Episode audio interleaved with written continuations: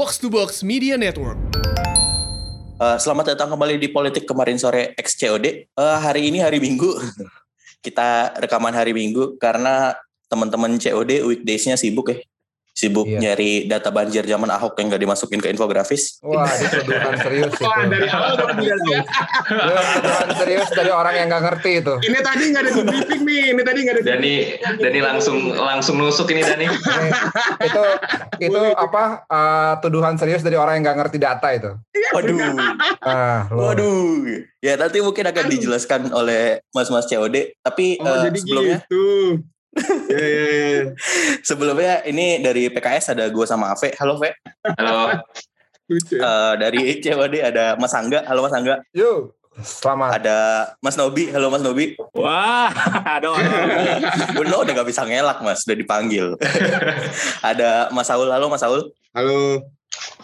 Uh, sebelumnya mungkin buat yang belum ngedengerin episode 1, kenapa kita collab ngomongin ini sama COD bukan sama Valdo Maldini yang udah ngumpulin 60 juta dalam 12 jam ya.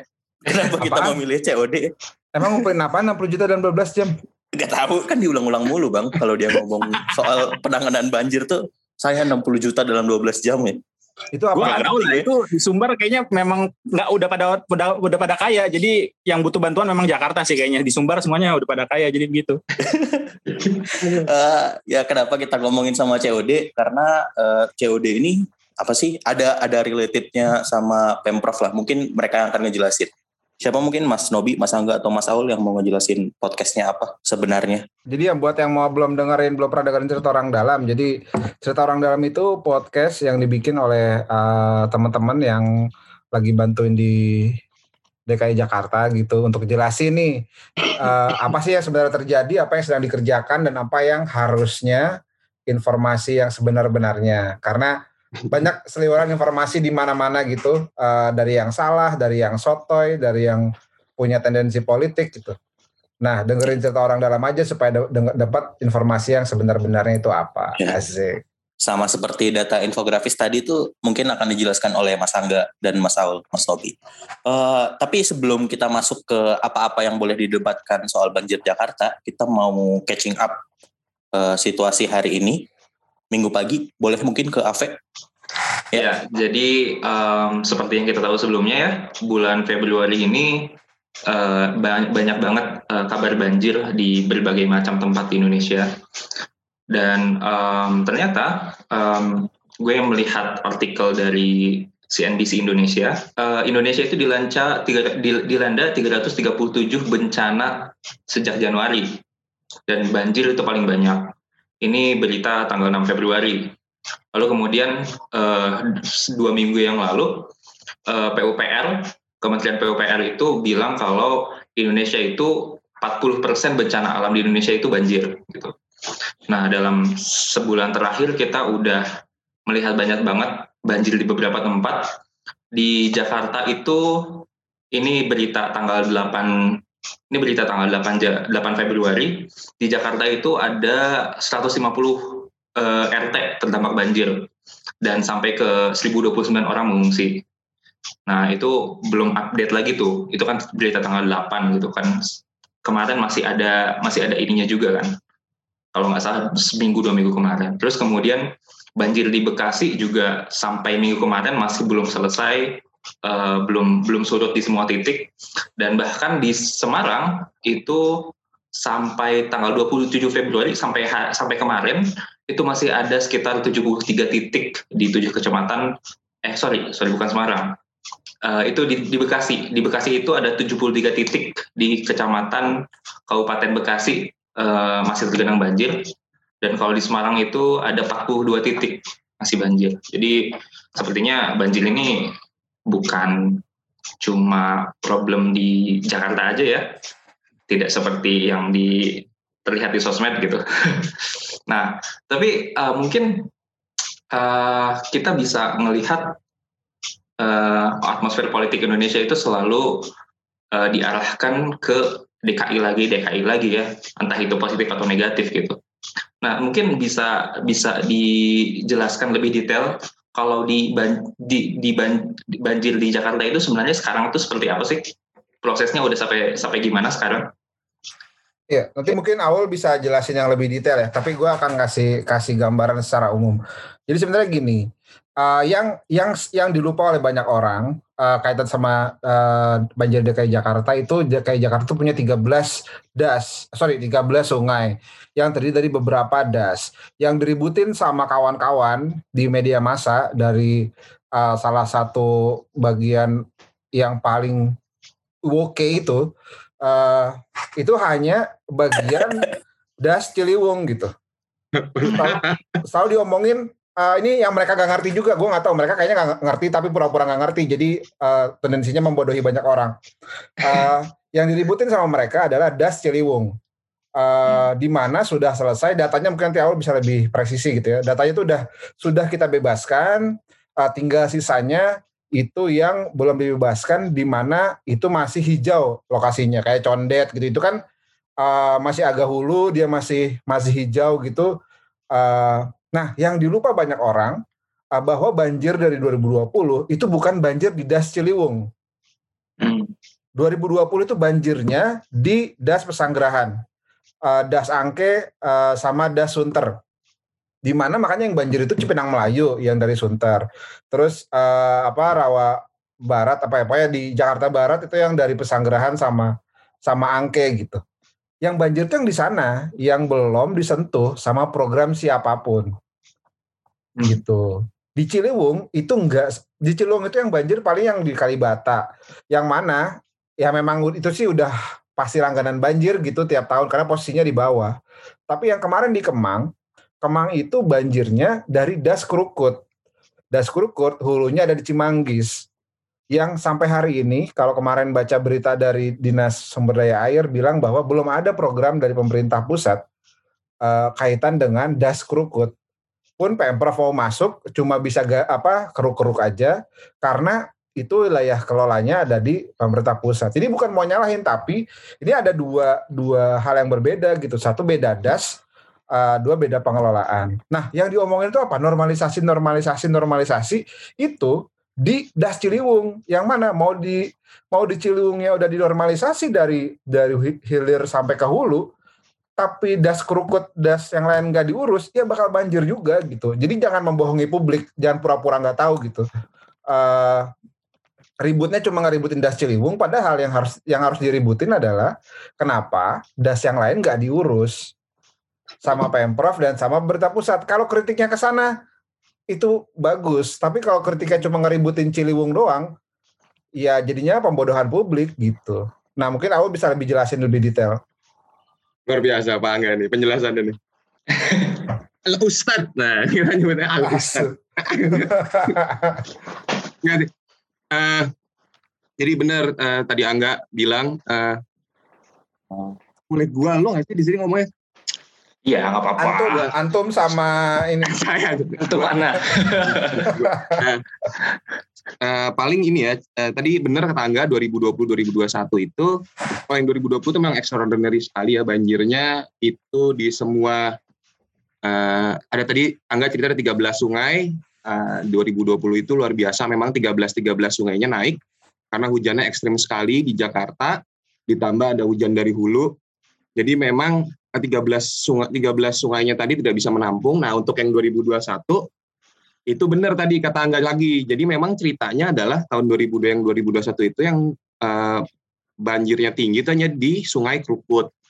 Yang mana hmm. itu kenapa? Karena kalau bisa lihat datanya BMKG kemarin, itu hujannya memang tinggi ikut begitu banjirnya. Dan terdampaknya yang kemarin tahun 2021 ini ada 113 RW atau 17 RW, saya lupa 13 17 uh, dalam jangka waktu hampir 24 jam uh, surut.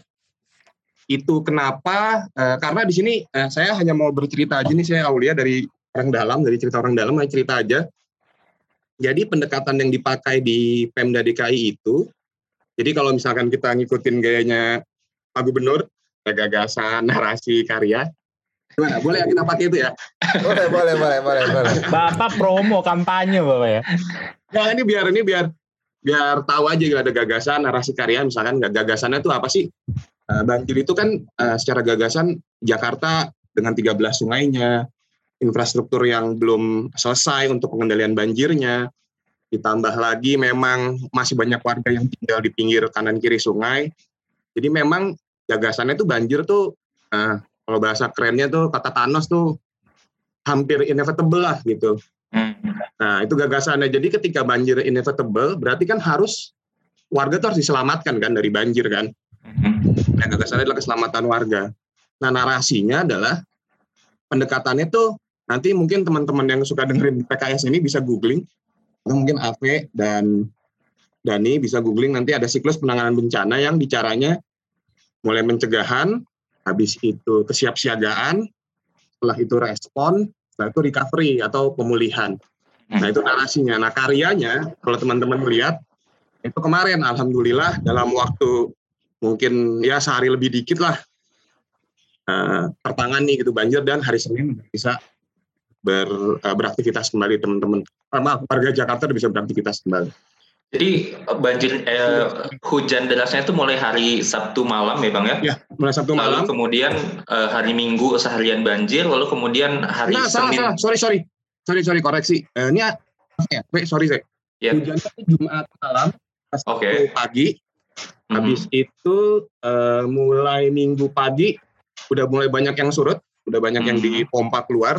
Mm -hmm. Dan uh, Senin pagi udah benar-benar clear karena uh, hari Minggu itu masih ada daerah-daerah yang di Jakarta Barat yang memang rendah sekali butuh dipompa. Jadi uh, untuk informasi aja memang uh, kemarin tuh luar biasa sekali uh, effortnya teman-teman uh, dinas itu harus diapresiasi menurut saya karena ada 1013 pompa, ada hampir uh, 20 ribuan orang yang terlibat dalam penanganan banjir kemarin. Jadi uh, itu memang serius karena tadi karena tadi uh, rencananya tuh atau narasinya itu udah jelas ya itu tadi pendekatannya pencegahan, uh, kesiapsiagaan, respon dan uh, recovery gitu. Siap, uh, siap. Sebenarnya gue sebagai awam nih kan bang gak tahu apa-apa. Ya. Kalau ngelihat pejabatnya datang ke ruang publik ngomongnya, oh kita berhasil nih mengurangi ini uh, dilimpahkan ke pihak berlawanan yang mana adalah pusat. Ironically, ya, ngomongnya oh enggak, klaimnya salah dan lain-lain. Itu ya. tanggung jawab DKI bukan tanggung jawab kami dan lain-lain. Ya. Sebenarnya secara objektif apa yang orang-orang awam kayak gue bisa ngelihat uh, peningkatan dari penanganan banjir tahun ke tahun dan lain-lain itu gue bisa ngelihat dari apanya sih bang sebenarnya? Ya, pertanyaannya baik sekali ya. Coba saya respon ini kayak ini ya. Jadi kayak ini nih. eh sudah cermat ya, karena, karena PKS harusnya nggak gini nih. Saya dengar beberapa. Oh iya. karena ada Paul. Nggak bisa dong macam-macam. Pertanyaannya harus lurus gitu. Aduh. Eh, jadi eh, ini kalau menurut saya dengan narasi yang tadi eh, saya ceritakan gitu, yang eh, gagasannya pencegahan, maaf narasinya pencegahan, pencegahan. Ini menurut saya, ini menurut pandangan saya yang di yang selalu menjadi perdebatan adalah pencegahan ya. Pencegahan ini adalah biasanya bentuknya itu mitigasi uh, struktural gitu. Yang biasanya tadi infrastruktur yang tadi diceritain Angga. Bicaranya normalisasi, pengerukan dan sebagainya. Nah kalau bicara eh, apa ya klaim eh, bukan klaim ya misalkan bicara perbaikan uh, kecepatan. Tadi tadi apa nanya apa sorry Fe. Lah lah lah kebanyakan Aduh, ini. bisa dilihat ya apa yang bisa Dani tadi yang nanya Dani. Apa, apa yang perbaikan? sudah? Apa yang saya perbaikan itu nah, perbaikannya tadi adalah ini saya soalnya grogi nih saya soalnya ini. Saya, apa namanya? Aku salah ngomong saya nih. Uh, tadi perbaik uh, peningkatannya itu ada tadi di paling tidak di antara respon eh maaf kesiapsiagaan, respon hingga uh, recovery. Itu itu alhamdulillah memang kalau diperhatikan ada datanya bisa dilihat memang uh, jauh lebih baik. Nah untuk yang pencegahan memang ini tuh memang sesuatu hal yang belum selesai memang karena ya tadi angga cerita normalisasi belum selesai.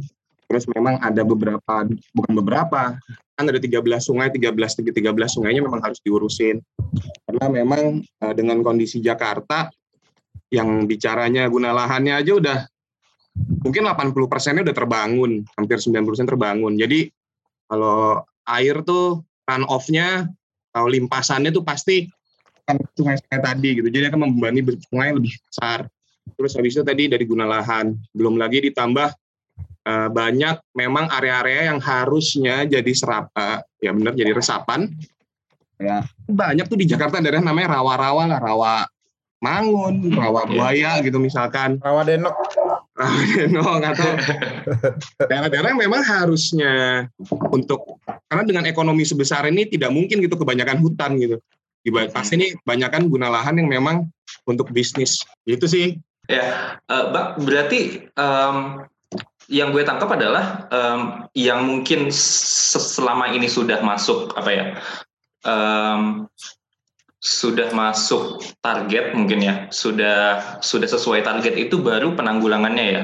Baru kemudian cepatnya itu surut gitu. Tapi kalau untuk pencegahan itu memang banyak banyak banget kendala dari dari DKI gitu. Kalau nggak kemudian nggak bisa koordinasi sama pusat. Seperti itu. Benar. Uh, jadi ada hal jadi secara pencegahan uh, itu tuh teman-teman bisa lihat juga ya googling ya master plan penanggulangan pengendalian banjir. Ini kita ngomonginnya bukan banjir sebagai bencana yang tadi yang tadi narasi tadi tapi ini uh-huh. uh, bagaimana sih mengendalikan air gitu di Jakarta. Uh-huh. itu udah banyak bisa di googling nah salah satunya contoh sederhananya itu misalkan sodetan uh, Ciliwung kanal banjir timur. Jadi kalau mau ngelihat uh, maksudnya masalah uh, masalahnya tuh tidak hanya kelihatan di permukaannya tapi masalahnya dalam itu contohnya adalah uh, sodetan banjir kanal timur. Itu dari tahun 2013 sampai sekarang Baru selesai pembebasan Belum selesai. lahan. Iya, karena hmm. banyak pembebasan lahannya ternyata pengadilan dan sebagainya. Jadi memang uh, se sekomplikated ya masalahnya. Katanya katanya apa gitu. Sekomplikated itu gitu. Untuk yang bicara yang pencegahan itu. Jadi sebenarnya gini, kalau gue mulai nambahin awal gitu ya, ngomongin pencegahan banjirnya itu ada dua hal. Satu mengendalikan air yang datang dari hulu, uh, itu dari 13 sungai tadi sama apa yang dilakukan uh, pencegahan yang dari hulu tapi bukan dari hulu sungai tapi dari hulu rumah sendiri. Uh, kan kalau konsepnya uh, air itu kan ada dua gitu hulu dari atap rumah dalam hal ini hujan lokal dan hulu dari uh, sungai uh, yang turunnya di hulu sungai gitu.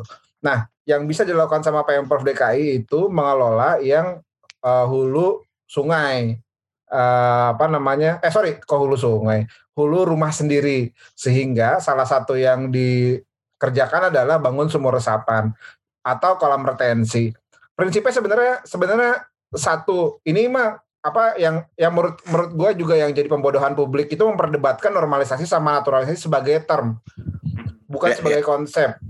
Yeah, itu yeah. juga pembodohan publik tuh menurut gue kenapa? Karena yang dimaksud naturalisasi di sini bukan hanya menjadikan strom, st, apa uh, pinggir sungai itu jadi lebih uh, panjang air, tapi mengurangi debit air yang masuk di sungai lewat yeah, yeah. sumur sum, lewat sumur resapan, lewat uh, apa namanya kolam retensi yang dikerjakan sama teman-teman dinas sumber daya air. Coba teman-teman cek salah satu yang yang uh, masif dibangun sumur resapan itu ada di Kelapa Gading. Dari kehebohan kemarin, kondisi Kelapa Gading gimana? Kelapa Gading itu banjirnya itu cuma di proyek uh, tol gitu, tapi yang lainnya enggak. Kenapa? Salah satunya adalah semua uh, air itu enggak langsung dimasukin ke sungai. Ada beberapa sumur resapan yang dibangun sama dinas SDA itu untuk apa sih gitu? Selain untuk meresapkan air ke tanah, uh, bahasa ABW itu bahasa yang diperdebatkan adalah sunatullah, bahasa ilmiahnya adalah infiltrasi.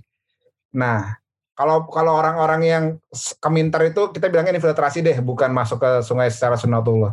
Itu dimasukin ke situ dulu ditahan uh, ekstranya, air ekstranya baru masuk ke sungai gitu, baru ke saluran. Nah, dikurangi debitnya sehingga uh, nggak banyak yang masuk ke sungai sehingga banjirnya bisa berkurang. Belum selesai, betul, tapi berkurang gitu. Jadi jangan mau dijebak sama term normalisasi, naturalisasi gitu. Kayak tadi aku sempat cerita, normalisasinya yang beton itu kan harus bebasin lahan. Bebasin lahan itu nggak gampang. Tapi mengurangi debit dengan membangun bendungan di hulu juga normalisasi gitu. Sehingga apa namanya eh, kapasitas sungai yang cuma 100 itu dari dari hulunya dikontrol, masuknya jadi 100 aja gitu. Itu juga normalisasi, tapi yang ngerjain kan bukan Pemprov DKI kalau bikin bendungan. Cari tahu sendiri siapa ya, yang ngerjain gitu. Karena udah di daerah lain juga kan, Bang. Iya. Uh, tapi uh, gini gimana ya ngomongnya? Sebenarnya kan perdebatannya gue udah dari zaman kampanye ngamatin ini karena udah jelaskan ada 13 sungai, Terus kalau muaranya hanya satu, antriannya banyak, ya ujung-ujungnya ngeluap juga. Mau sebagus apa pun normalisasinya gitu. Eh, tapi kan yang banyak dipertanyakan orang dan perdebatan yang terjadi juga sebenarnya si proses normalisasi ini udah dilakukan belum sih bang? Karena eh, banyak salah satunya Valdo komen soal pembebasan lahan yang katanya serapannya rendah dan lain-lain. Itu gimana bang? Ya, nah ini pakai, nah kan katanya tadi nggak usah pakai data deh jawabin. gitu. iya. Tapi tapi tadi tapi Gue pakai Valdo bang. Eh, Tapi Pakai Valdo. Valdo udahlah maksud gue gini sebenarnya gini yang, yang harus di yang harus dipastikan adalah yang harus disamakan dulu. Bebasin lahan itu nggak se- semudah PSI ngomong eh sorry Eh, Eh? bebasin lahan Eh? itu nggak semudah orang-orang ngomong gitu. Lu tau nggak Aul mungkin bisa cerita juga itu tuh yang bangun sodetan itu kenapa lama? Karena ada mafia tanahnya gitu. Ada orang yang ngeklaim tanah yang ditinggalin warga. Dia nggak pernah datang ke situ nggak bukan warga situ tiba-tiba dia punya sertifikat. Itu yang digugat sama warga di sana digugat sama warga sampai akhirnya menang di pengadilan. Sertifikatnya dibatalin sehingga warga bisa punya eh, apa dapat hak penggantian full gitu. Nggak lagi dikelola sama mafia tanah. Nah ngomongin ngomongin pembebasan lahan di Jakarta tuh banyaknya kayak gitu gitu. Jadi jangan cuma ngomong pembebasan lahan lama pembebasan lama. Ya kalau nge-tweet doang mah gampang coba lu suruh bebasin lahan ya mereka Valdo nggak nge-tweet doang bang. Valdo nge-tweet sambil ngumpulin bantuan bang.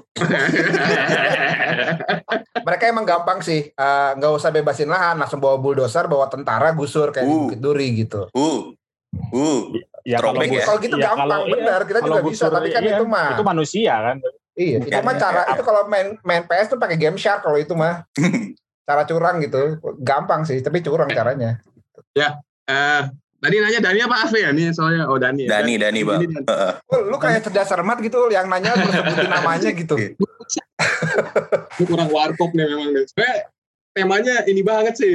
Sensitif gitu loh. Wih, Waduh. sensitif sekali ya sih teman gini eh tadi ke Dani sama Ave nah, perdebatannya tuh mulai dari kapan sih ya perdebatannya dari mulai Batavia ada gitu anjir JP Kun terima kasih JP Kun Eh, nah, Batavia ada memang udah mulai pertanyaannya nanti ini saya cuman eh, mau ngasih informasi aja karena saya yakin kayaknya dengerin PKS ini pasti hobinya pada temen-temennya suka pada baca gitu ada buku bagus judulnya Wah, eh, gagalnya Tuduhan sistem yang serius. kanal. Gagalnya ini nggak serius. kanal. Jadi biar biar tahu gitu gagalnya sistem kanal eh, itu dari Pak Restu. Saya juga mau ngucapin terima kasih. Mungkin Pak Restu dengar PKS di sini tuh Pak Prestu Gunawan. Restu Gunawan tuh dari disertasinya dia dijadiin buku itu bagus sekali karena memang eh, makanya saintifik. Jadi saintifik dan memang bisa dipertanggungjawabkan semua datanya. Jadi jadi bicara perdebatannya memang benar itu dari mulai eh iya gitu ada contoh sederhananya adalah eh, kenapa sih pintu air Manggarai itu adanya di sana gitu karena itu merupakan awalnya perdebatan untuk melindungi kota barunya Batavia yang udah dipindahin dari eh, kota tua sekarang. Ya kota tua tuh yang ada eh, bangunan-bangunan tua itu dipindahin ke Weltevreden yang ke arah Menteng yang ada Monas dan sebagainya. Hmm. itu pintu air Manggarai dibuat di situ. Itu pun awalnya udah perdebatan gitu nah jadi ya. nanti pun nanti pun jangan jangan sampai lagi ada perdebatan soal bagaimana me- melakukan pencegahan banjir tadi gitu yang memang harusnya antara PUPR dan Pemda ini bersinergi dan itu pun sudah dilaksanakan pada dasar karena tahun 2020 kemarin ada pembebasan lahan yang cukup eh, besar jumlahnya. Jadi mungkin sisanya untuk eh, Kali Ciliwung tuh eh, hanya enggak saya pakai hanya ntar disangkin masih ini lagi. Eh, ti- 25 persen lah yang belum dibebaskan, sisanya sudah dibebaskan dan harusnya insya Allah tahun ini eh, PUPR masuk tuh tidak hanya eh, Ciliwung tapi juga di Kali Sunter juga yang dibebaskan dari tahun 2020 kemarin. Begitu, Ya. jadi memang eh, tahapannya selalu begitu eh, Ave dan Dani dan teman-teman yang dengar PKS ini itu bebaskan eh, mungkin tahun sebelumnya kerjakan tahun berikutnya gitu. Jadi Ya. memang harus eh, eh, apa namanya ada tahapannya gitu. Hmm. Demikian. gue gue pengen move on ke ini selanjutnya. Em, k- kali ini gue baca artikel soal ini eh, Pak mantan Wakil Presiden Pak JK yang kemudian berkomentar karena beliau berkomentar soal banjir di Kemang Jakarta Selatan yang biasanya nggak nggak banjir tapi kemudian banjir gitu. Banjir kok itu dari dulu. Nah, 2016 banjir 2016 banjir ya. sama parahnya. Nah itu datanya yang ngumpulin angga tadi tuh, tuh datanya angga tuh ngumpulin tuh. Nah, Di awal tuh angga tuh ngumpulin tuh.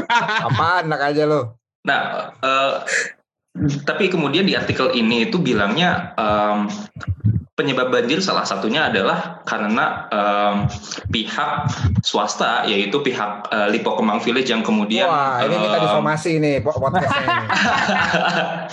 Kita nggak nyebut ya, COD nggak nyebut ya. Nggak nyebut ya. Oke, terus aja. Semua PKS, semua PKS ya udah nggak ikutan. Ya kita butuh engagement. Ayo Fe, terus ya, ini ini Pak Jk yang ngomong bukan gue ya. Eh, ya nggak apa-apa. Terusin aja. Jual Ya, nama sebanyak-banyaknya. Jadi di di di artikel ini kemudian menyebut kalau em, keberadaan Mall Lipo Kemang Village itu eh, menjadi salah satu penyebab dari eh, banjir di Kemang. Nah, ini di sini di artikel ini kemudian dijelaskan eh, apa poin-poin yang membuat itu problematik gitu. Nah, tapi kalau dari Pemda sendiri sebenarnya seje- sudah sejauh apa sih usaha untuk meregulasi pihak-pihak swasta yang pasti tanahnya juga nggak nggak sedikit gitu di DKI gitu. Regulasinya itu seperti apa? Kalau regulasi sebenarnya udah banyak ya. Eh, kewajiban bangun sumur resapan eh, dan lain-lainnya gitu. Bahkan kan saya yang gue ingat 2018 dan 2019 itu kan eh, banyak tuh razia sumur resapan gitu yang dikerjain sama Hmm. Pemprov gitu. Dan itu udah dilakukan gitu. Jadi untuk gedung-gedung juga sudah dilakukan tapi kan karena jumlahnya banyak ya belum tentu bisa selesai dalam waktu singkat gitu. Tapi maksudnya itu tetap sudah dikerjakan juga gitu eh, kaitan dengan eh, ketaatan ketaatan eh, apa namanya eh, swasta gitu ya yang yang punya gedung gitu. Tapi sebenarnya yang yang nggak boleh dilupa adalah banyak juga masyarakat yang nggak taat, nggak tertib. Coba deh cek berapa sih eh, rumah rumah biasa gitu eh, yang eh, zero run off gitu atau yang punya kolam retensi gitu. Hmm. Sama juga gitu, banyak juga yang nggak punya itu. Jadi jadi memang nggak nggak apa namanya eh, semua nggak bisa cuma nunjuk eh, nunjuk apa eh, tangan ke satu pihak gitu. Swasta ada masalah banyak iya, Eh, warga banyak masalah juga iya gitu. Eh, belum lagi di hulu eh, di hulu apa namanya di hulu das kurukut juga banyak juga daerah resapan sekarang udah jadi klaster-klaster rumah gitu. Em, itu juga bermasalah gitu karena dengan klaster rumahnya eh, mengurangi resapan air eh, apa air yang masuk ke sungai Kurkut jauh lebih banyak gitu. Jadi jadi memang nggak bisa point finger ke satu pihak sih menurut menurut gue ya.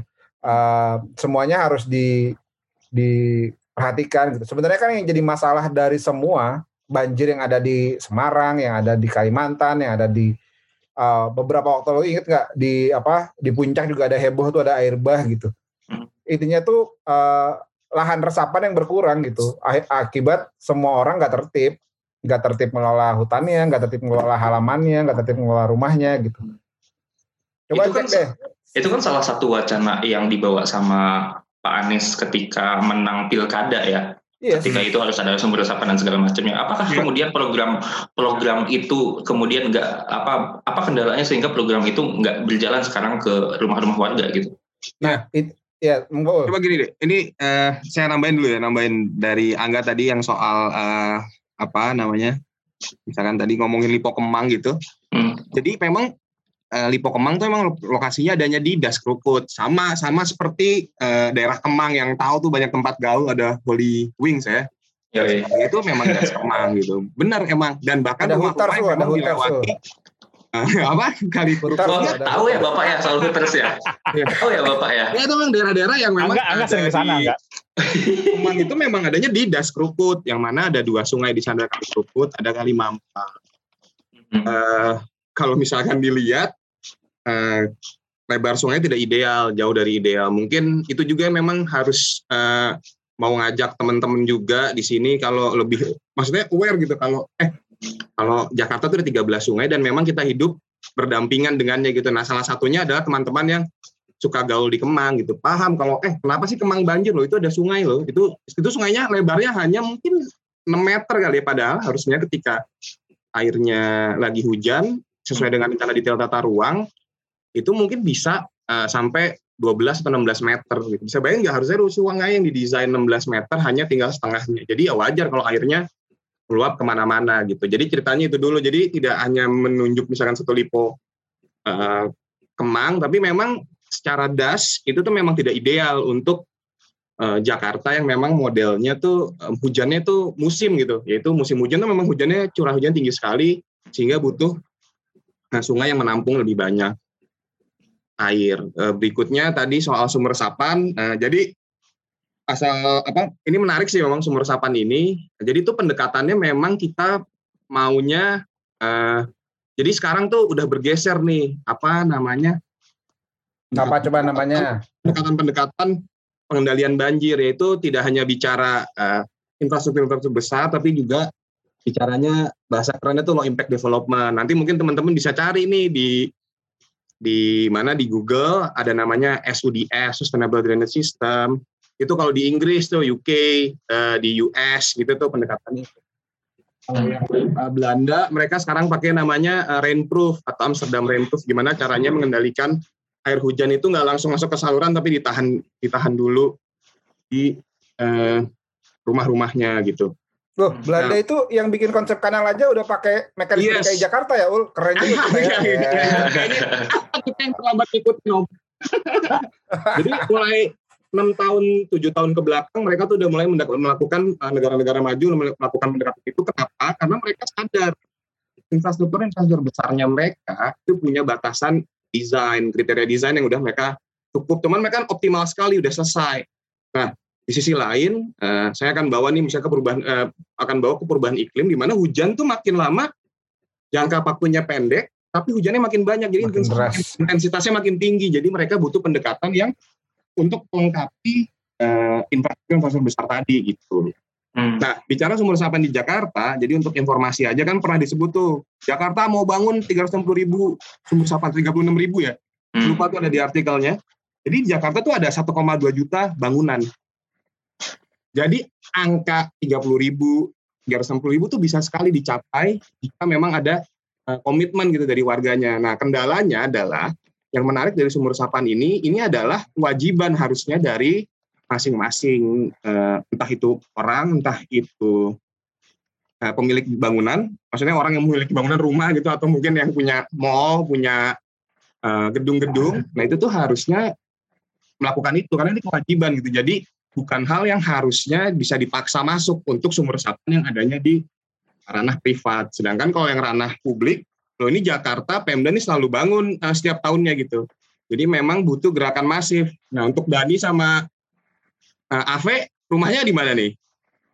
Di luar aman. Di luar, di luar aman. aman. Ya, pertanyaannya bukan gitu. Pertanyaannya rumahnya beton semua atau ada sumur resapannya? Iya iya iya benar. Jangan-jangan uh, Dani sama Ave berkontribusi atas banjirnya kota Bandung. Kan yang Ave di Bandung tinggalnya. Uh, gue di Bandung. Uh, oh. Dani sekarang lagi di Pekanbaru ya Dan ya. Oke. Okay. Wah ini benar-benar ini ya daring ini ya. Iya. Iya.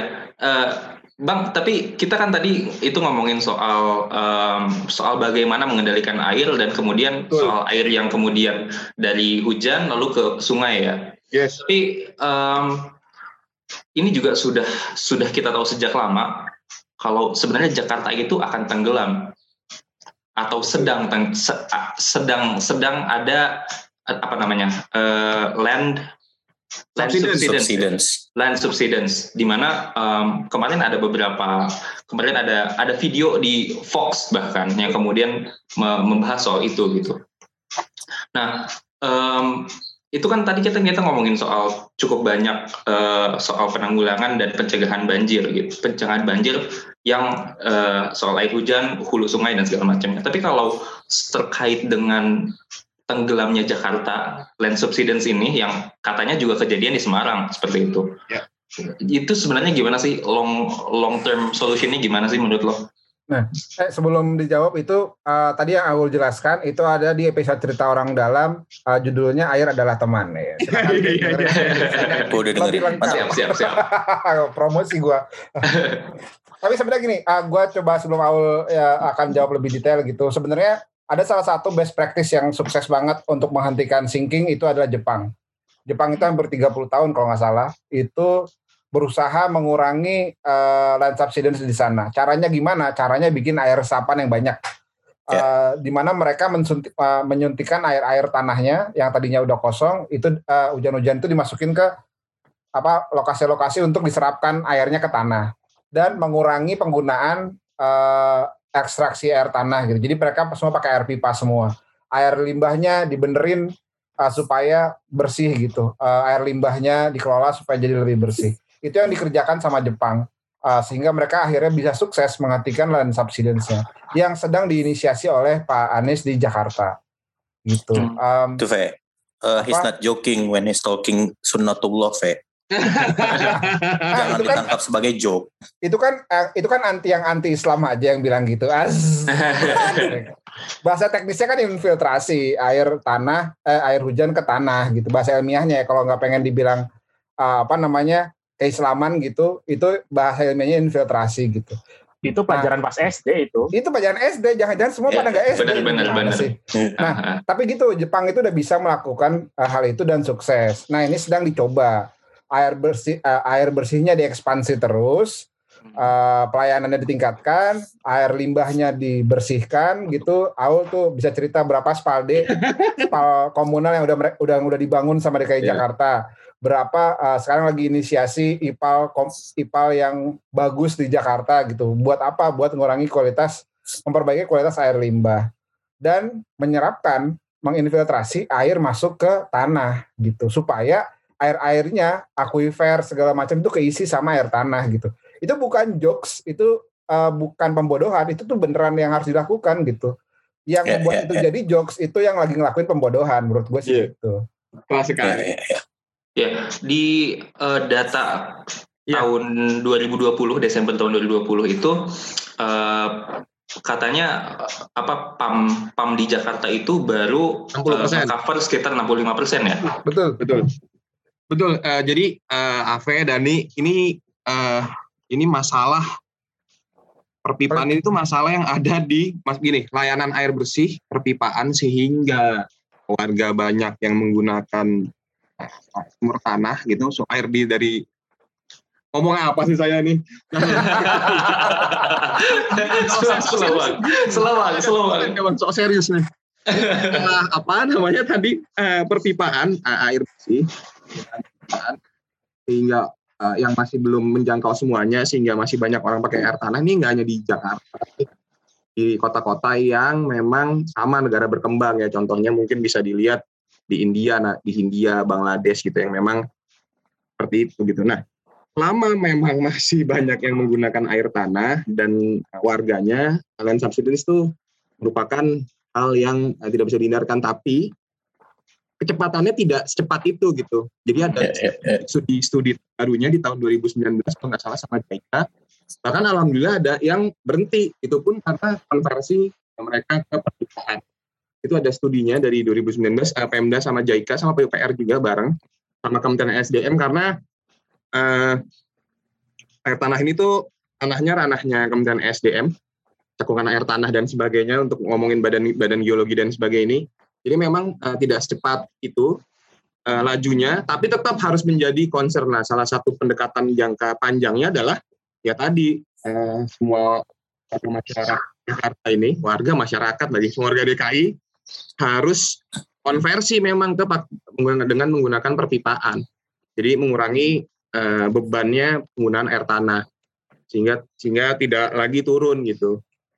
Nah, kalau untuk bicara jangka panjangnya tadi, tadi balik lagi, saya kan tadi cerita pencegahan itu tuh, yang tadi narasi pencegahan, kesiapsiagaan, respon sampai recovery itu, pencegahannya tuh Jakarta tuh udah punya bareng-bareng kerja kolaborasi bareng PUPR yang mana memang karena Jakarta ini ibu kota, jadi eh, perencanaan pengendalian banjir itu bareng PUPR dan Jakarta. Jadi udah ada tuh master plan-nya yaitu Jakarta menggunakan eh, sistemnya sistem kanal untuk mengurangi beban banjir ketika hujan eh, dari hulu, yaitu tadi ada ba- banjir kanal barat, banjir kanal timur, ditambah ada bendungan baru, ditambah Jakarta juga akan membangun eh, beberapa waduk-waduk untuk mengurangi debit dari 13 sungai yang ada di Jakarta. Jadi insya Allah tahun ini memang ada beberapa waduk dengan eh, pendekatan naturalisasi yang akan dibangun. Insya Allah semoga tahun 2022 bisa selesai.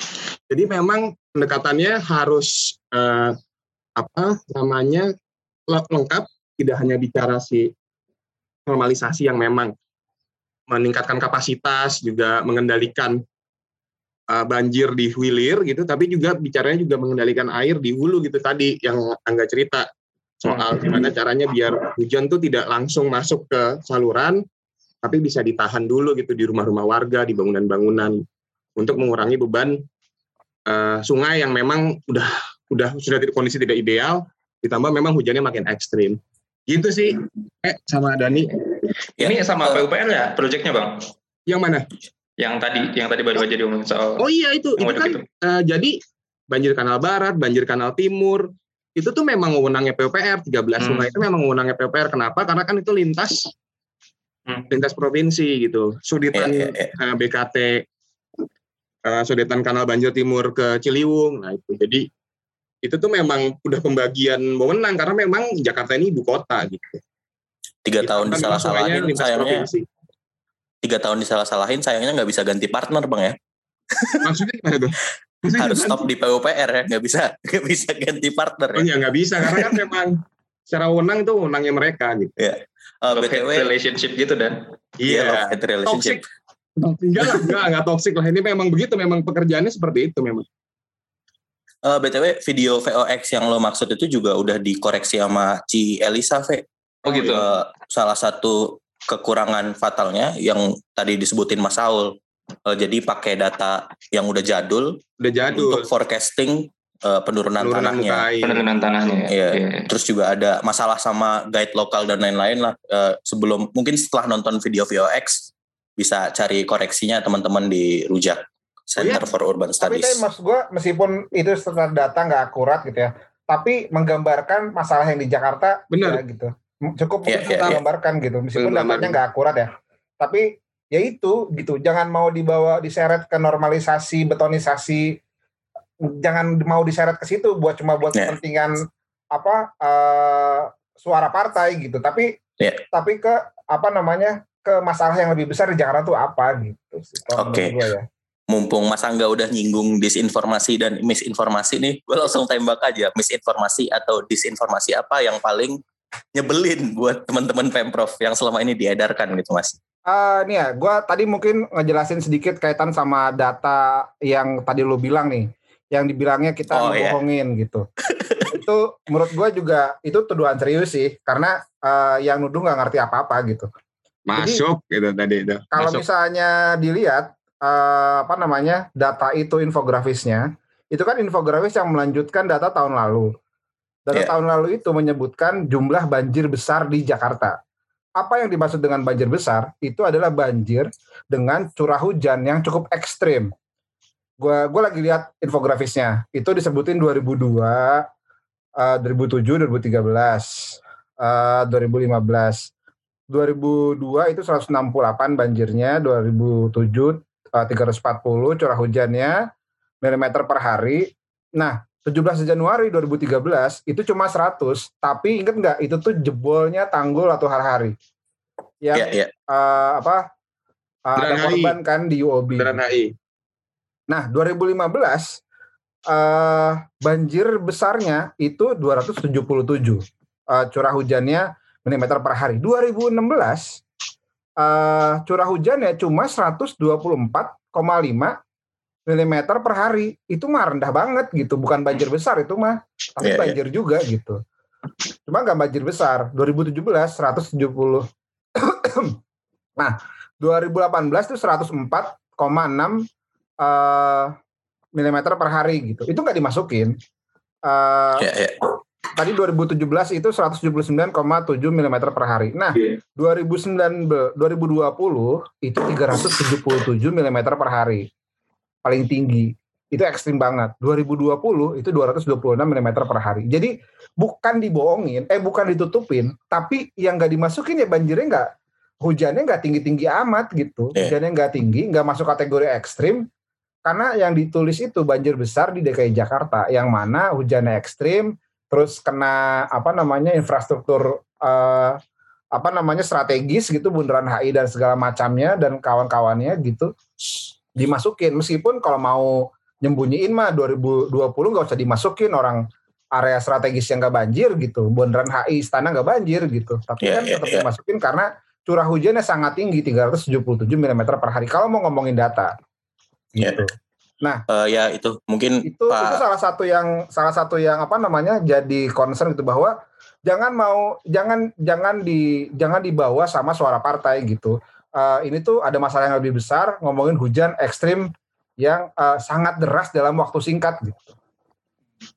Gitu. Hmm, hmm, itu sih salah satu yang ini ya salah satu yang diulang-ulang gitu. Terus eh, apalagi ya eh, itu betonisasi versus naturalisasi. Eh, yang mana naturalisasi tadi sebenarnya konsepnya konservasi air gitu. Bukan cuma tentang apa eh, pinggir sungai yang dibikin alami gitu. Ya kalau di hilir tuh nggak mungkin gitu. Di hilir tuh nggak mungkin. Itu mah anak SD juga tahu gitu di hilir nggak mungkin tapi di hulu itu bisa dikerjain gitu hulu nih kalau di Jakarta condet gitu ya daerah condet Ciliwung Ya. condet itu masih Di Jakarta tuh memang situ. masih di Jakarta tuh memang masih ada daerah hulu ya. Kalau misalkan teman-teman tahu, misalkan kita bagi Jakarta jadi dua bagian sebelum Jor sama setelah Jor. Kalau dari selatan ke utara gitu. Mhm. Nah sebelum Jor tuh eh, kalau ngelihat Ciliwung di sana tuh Ciliwung masih yang kayak di eh, Kabupaten Bogor gitu daerahnya. Ya, jadi- itu masih hulu tuh di situ gayanya tuh. Tapi memang setelah Jor, apalagi mendekati makin ke eh, Melayu gitu ya, itu kan udah makin perkotaan. Orang kan makin padat tinggal di sana gitu sih. Jadi memang ada istilah hulu. Paling eh, kalau dari eh, saya sih eh, selama ini Pemda tetap berusaha kok untuk mengikuti ikuti lagi kerjakan normalisasi pembebasan lahannya. Jadi memang eh, tidak ada tuh kalau misalkan eh, kita anti normalisasi enggak enggak begitu. Jadi memang prosesnya memang tidak semudah itu aja tadi diceritakan. Gitu sih. Tapi insya Allah tahun ini ada normalisasi dari pekerjaan normalisasi dari teman-teman eh, PUPR eh, di Sunter dan di Ciliwung. Gitu. dan, dan sebenarnya term normalisasi juga salah menurut gua gitu yang dilakukan kan turap kanal gitu ya yang itu juga dilakukan juga di DKI Jakarta gitu di sungai-sungai kecil yang dikelola sama Pemprov eh, pembenahan turap dan kanalnya juga dikerjain gitu. Ya, jadi ya. jadi eh, yang diomongin apa yang diputar-putar di medsos itu kan cuma eh, apa kanalisasi eh, bangun beton kanal di Sungai Ciliwung gitu. Padahal yang lain-lain juga dikerjain gitu. Itu sih yang menurut gua melihat melihat masalah banjir Jakarta cuma lewat eh, das Ciliwung gitu.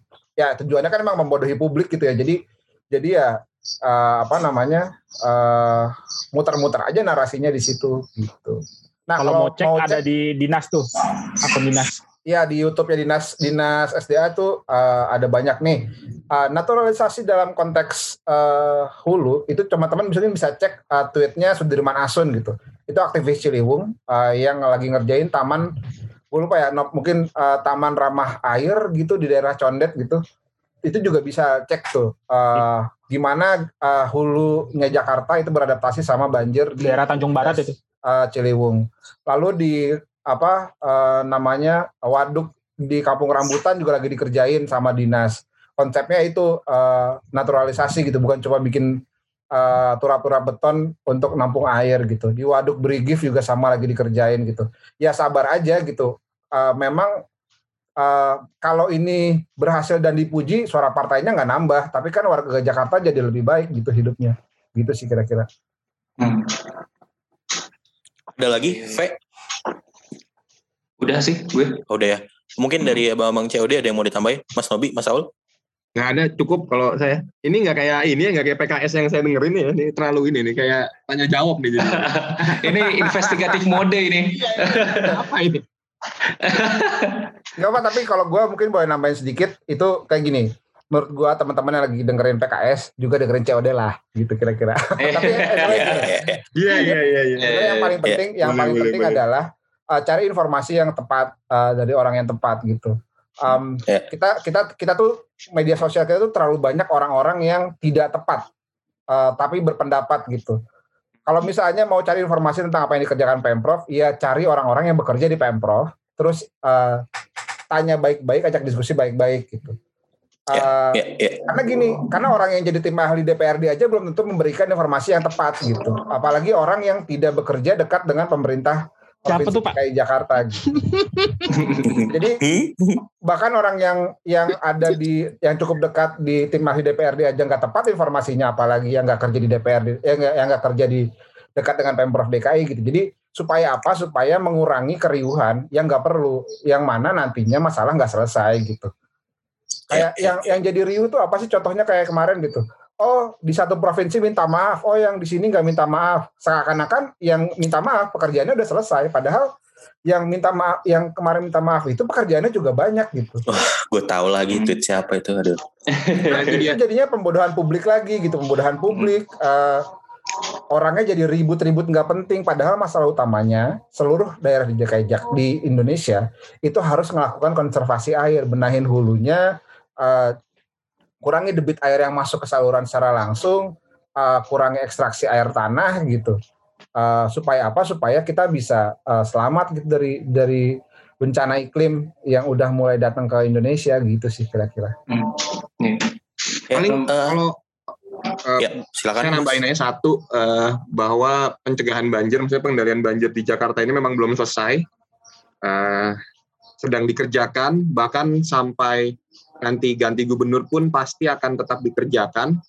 Jadi memang eh, setiap gubernur memang harus mengerjakan gitu. Jadi memang nggak nggak selesai dalam waktu misalkan lima tahun gitu. Atau mungkin eh, saya janji misalnya setahun beres gitu. Enggak, karena memang eh, besar, butuh anggaran yang besar, butuh juga apa namanya modal sosial tuh maksudnya karena udah ada orang-orang yang nempatin di pinggir-pinggir sungai gitu memang harus juga diurus gitu jadi memang tetap berjalan pengendalian banjir jadi eh, jika ada yang bilang mana nih banjir nggak diurusin? Eh, itu nggak seperti itu karena memang prosesnya panjang dan eh, doakan semoga di yang maksudnya ke periodenya eh, gubernur yang sekarang ini bisa menyelesaikan apa namanya kontribusinya maupun nanti memang untuk berikutnya menyelesaikan kontribusinya. Jadi memang harus eh, berkelanjutan gitu masing-masing eh, kepala daerah untuk Jakarta ini ya memang harus untuk menyelesaikan eh, satu rencana yang memang eh,